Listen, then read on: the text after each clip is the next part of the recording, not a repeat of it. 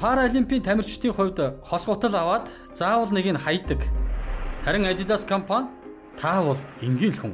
Бусдаас өөр биш гэсэн агуулга бүхий маркетингийн компанид ажил явуулсан.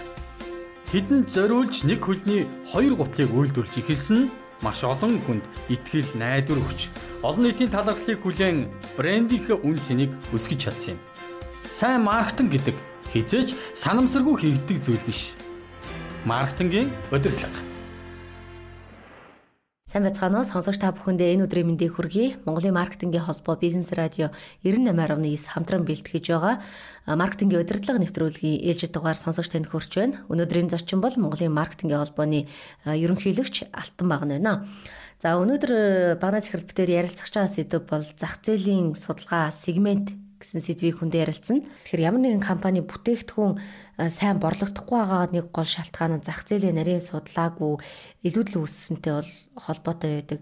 Тэгэхээр энэ зах зээлийн судалгаа сегментийг ер нь компаниуд хэр зэрэг анхаарч хийх ёстой зүйл юм бэ? Сегментчл гэж нэрлэдэг л одоо бид нэр хинд юу зарах уу гэдэг. Энэ дээр хамгийн төвхтэй юм бол ингэдэг. Хүн маш тодорхой одоо худалдаа авах чадвар юм маш тодорхой одоо тийм хэрэглэгчдийн одоо бүлэг байгаа үед ажиллах хэрэгтэй. Тэрийг бид нэр зах зээл гэж нэрлэдэг л да. Одоо ер нь зах зээл гэж юу вэ гэхээр тодорхой хүмүүс тодорхой бүтээгдэхүүн тодорхой үнээр авахд бэлэн байх хэрэгтэй. Гэтэ энэ дээр төвлө одоо тулгардаг асуудал нь юу вэ гэхээр хүмүүс яг миний бүтээгдэхүүнийг хэдэн хүн хэрэглэх вэ, боломжтой вэ гэдгийг ер нь бол тоон байдлаар ерөөсөө гаргаж чаддгүй. Ягаад гэвэл тийм мэдээллийн сан байдгүй.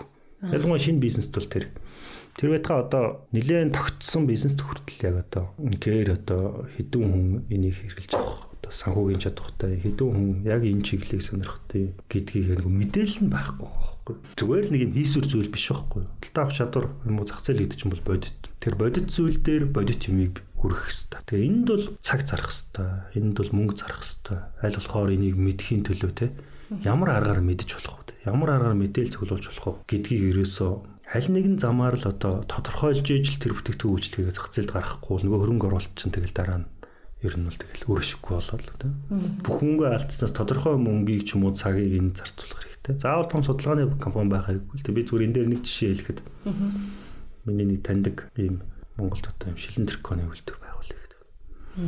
Тэгээ би бол яхаа бас асуусан л да. За одоо та яг нэлээд гайгүй чанартай шилэн тэрко юм байна. Хідүүн хүн одоо Улаанбаатар хотод хэрэглэх боломжтой байна. Яг юм хэрэгжилж гин хотоогоор.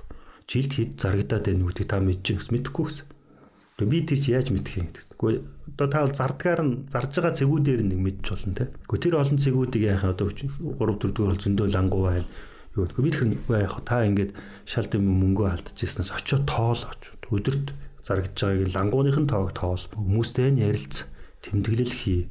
Ингээд зарж байгаа цэгүүдийг бүгдийг ингээд гарга. Нөгөө ихтлгүүрт нь хэдэн юу байгаа өдөрт хэдийг зардыг. Магадгүй тэр наран түл дээр нь ч гэсэн хэдийг бөөнддээ. Яг одоо 15 мянга хэдийг бөөнддээ өдөрт тэр нь хаашаа яваад байгаа. Эндээ жоохон цаг зараач. Хүмүүс хитрхи их тэр нэг үйлдвэрлэлийн технологи, ойдлчин тэ байр байшин гэдэг ийм юмдаа их яагаад байгаа тэ одоо жишээлбэл Монголд бол нийтлэг гардаг ресторан байгуулсан юм бол рестораны хоолны меню эдэн төгрөгөөр хүн идэх үү гэхээсээ илүүтэйгээр рестораны тогтчлолт нь айгүй сайхан байгаа гэдэг одоо Улаанбаатар даяар одоо гоё ресторанууд шүү. Тэгэхээр энэ асуудлыг ер нь бол тодорхой хэмжээгээр шийдэхгүй бол одоо жижигхэн энгийн бизнесээс ихтэй томоохон үнэтэй орон сууцын үйл хөдлөх хөрөнгө хүртлэх манай энэ хөрөнгөөр одоо энэ зах зээл гэдэг имийг одоо мэдсээр байжээш нэг тийм таамаглалаар тий өөрөлд хүм зах зээл бол маш бодиттой тоон зүйл. Энийг одоо тоогоор илэрхийлж яг гаргаад тэр тоогоор илэрхийлсэн зах зээлийн тодорхой ойрол хүм орлуулдаг шүү дээ. Зах зээл болон өөрсдийнхөө сегмент болон худалдаах чадварыг тооцоолохгүйгээр эсвэл ямар нэгэн өөрийн гэсэн тус тусгай ялгарлал тусгай юм манайхыг яагаад хүмүүдэлж авах хэвээр ингэдэг тэр аргументуудыг бий болгож чадахгүйгээр дөрөнгөр болт хийснээс болж үнэхээр одоо манай зах зээл дээр үл ийм байдал их үүсэж байна. Тэрнээс шул хэсэг хугацааны дараа бүтээгдэхүүн юм хамгийн маа хийцэн барилгаа бол барьцны дараа за чи авьяасаа гаргаад те сайн одоо хүмүүс таниулаад зар гэдэг ойлголт бол өөрөө их л буруу өрөөсгөл ойлголт. Тэгэхээр зах зээлийн сегмент дээр яа харахгүй персоного зөв тодорхойлох гэдэг гарч ирдэг. Персоного зөв тодорхойлох нь ер нь чухал юм байна гэдэг дээр маркетингийнхан өөрсдөө ч э, санал нийлдэг болсон.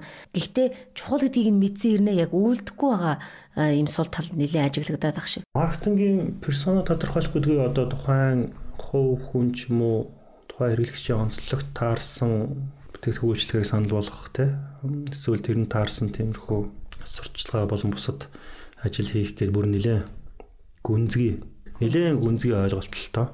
Гэтэл одоо бидний одоо маркетинг хийж байгаа дундаж маркетинг хийж байгаа төвшин маань хаана байна гэвэл нь бол тэгээд яг үндэ одоо маркетингийн нэг суурь одоо чухал ойлголт бол энэ мэдээллийн сан болчиход байна л да одоо дата тийм маркетингийн дата одоо чухал ойлголт болчиход байна тийм зүгээр л одоо ингэж нийтлэг байдлаар нэг юм гоё санаа болоод телевизээр цацах одоо уламжлалт медиагаар мөнгөөр одоо цацах тийм одоо яг үндэ ингэж ажиллахад бол маш олон мэдээллийн сувг болсон учраас одоо зардал нь улам л өндөр болоод байна тийм ер нь бол ямар ч хамаар хамаагүй их цацчул тэгэл хин нэгэн мэдэх байх гэдэг байдлаар ажиллаж байна тийм зөвхөн сурчлагаан дараа гэхэд. А бүтээгдэхүүн хөгжүүлэлтийн төвшөнд ингээ харахад бол үндэ тэр мэдээлэл хүмүүсийн одоо бүтээгдэхүүн хөгжүүлэхөөсөө суур юм бол тэр л тэ. Нэг гой санаа гаргаад энэ нь хин нэгэн хүн таалагдах яах байж болно те ялангуяа өөрт нь удирдлагууд ч юм уу маркетрууд өөрсдөд нь таалагдчих болно.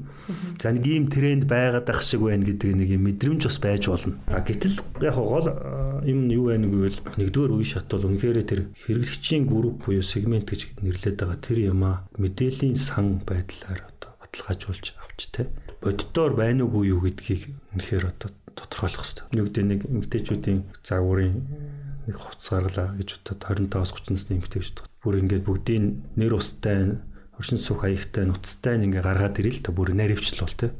Бараг тэр төвшин рүү явж ижил өмнө бол бүтээгдэхүүнийг бараг танилцуулах хэрэгтэй л доо. Маркетингийн чиглэлээр хамгийн хэрэглэгдэж байгаа юу бол энэ нүүр таних технологи байна. Жишээлбэл нүүр таних технологи бол маркетингийн сегментчлэл тэгээд энэ үнэн хэрэглэгч за тэгээд бүтээгдэхүүн хөгжүүлэлт хандлагыг бол бүр суураар нь өөрчлөх одоо ийм байдлаар орчлоо тий. Одоо өөрөлдөх юм бол нүүр таних технологийн төвчмөмжтойгоор тухайн хүний дэлгүүрт одоо өнгөрсөн жил хэдэн удаа хэдэн цагт орж ирсэн ямар бүтээгдэхүүн худалдаж авсан гэдгийг нэг бүчлэнгээр ингээд одоо тодорхойлох боломжтой болчихлоо. Яг энэ шиг үл явандаа ингээд ер нь тухайн хүний ерөөсөө амьдралынх нь зан төлөв түүхийг үлэр нь жишээлбэл өөрөө хүн ямар нэгэн одоо хуудас бүглэхгүйгээр тий одоо ингээд мэддэг тэгээ үнэн чиргэлэгч гэвэл хуучин шиг карт аваад ингээд ингэдэг биш. Тэр нэг угаасаа л за энэ хүн бол ингэдэг гэд аль хэдийн мэдчих болцоо гэж чинь тий. За баярлалаа. Тэгэхээр нэвтрүүлгийн маань цагийн түрээд өндөрлөж байна. Урилгын маань хүлээ авч студид хүрэлцэн ирсэн танд бас маш их баярлалаа. Компаниуд том, өргөн цар хүрээтэй буюу ялгаатай зах зээлийн бүх хэрэглэгчидтэй нарийн холбогдож чаддаггүй. Харин тэд зах зээлийг ялгаатай хэрэгцээ, шаардлага бүхий хэрэглэгчдийн бүлгүүд буюу сегментүүдэд хувааж болно. Дараа нь компани өөрийн үр ашигтайгаар үйлчилж чадах зах зээлийн сегментүүдийг тодорхойлох шаардлагатай. Хамгийн сайн маркетингийн төлөвлөгөө боловсруулахын тулд маркетрууд сегмент бүрийн онцлог болон ялгааг мэдэх хэрэгтэй. Зах зээлийн сегментүүдийг зөв тодорхойлох нь ямагт маркетингийн амжилтын үндэс болдог. Маркетингийн шинжлэх ухаанд гарч байгаа өөрчлөлт, хувьсэл, уран сэтгэмжийн талаар маркетингийн удирдлага нэвтрүүлгээс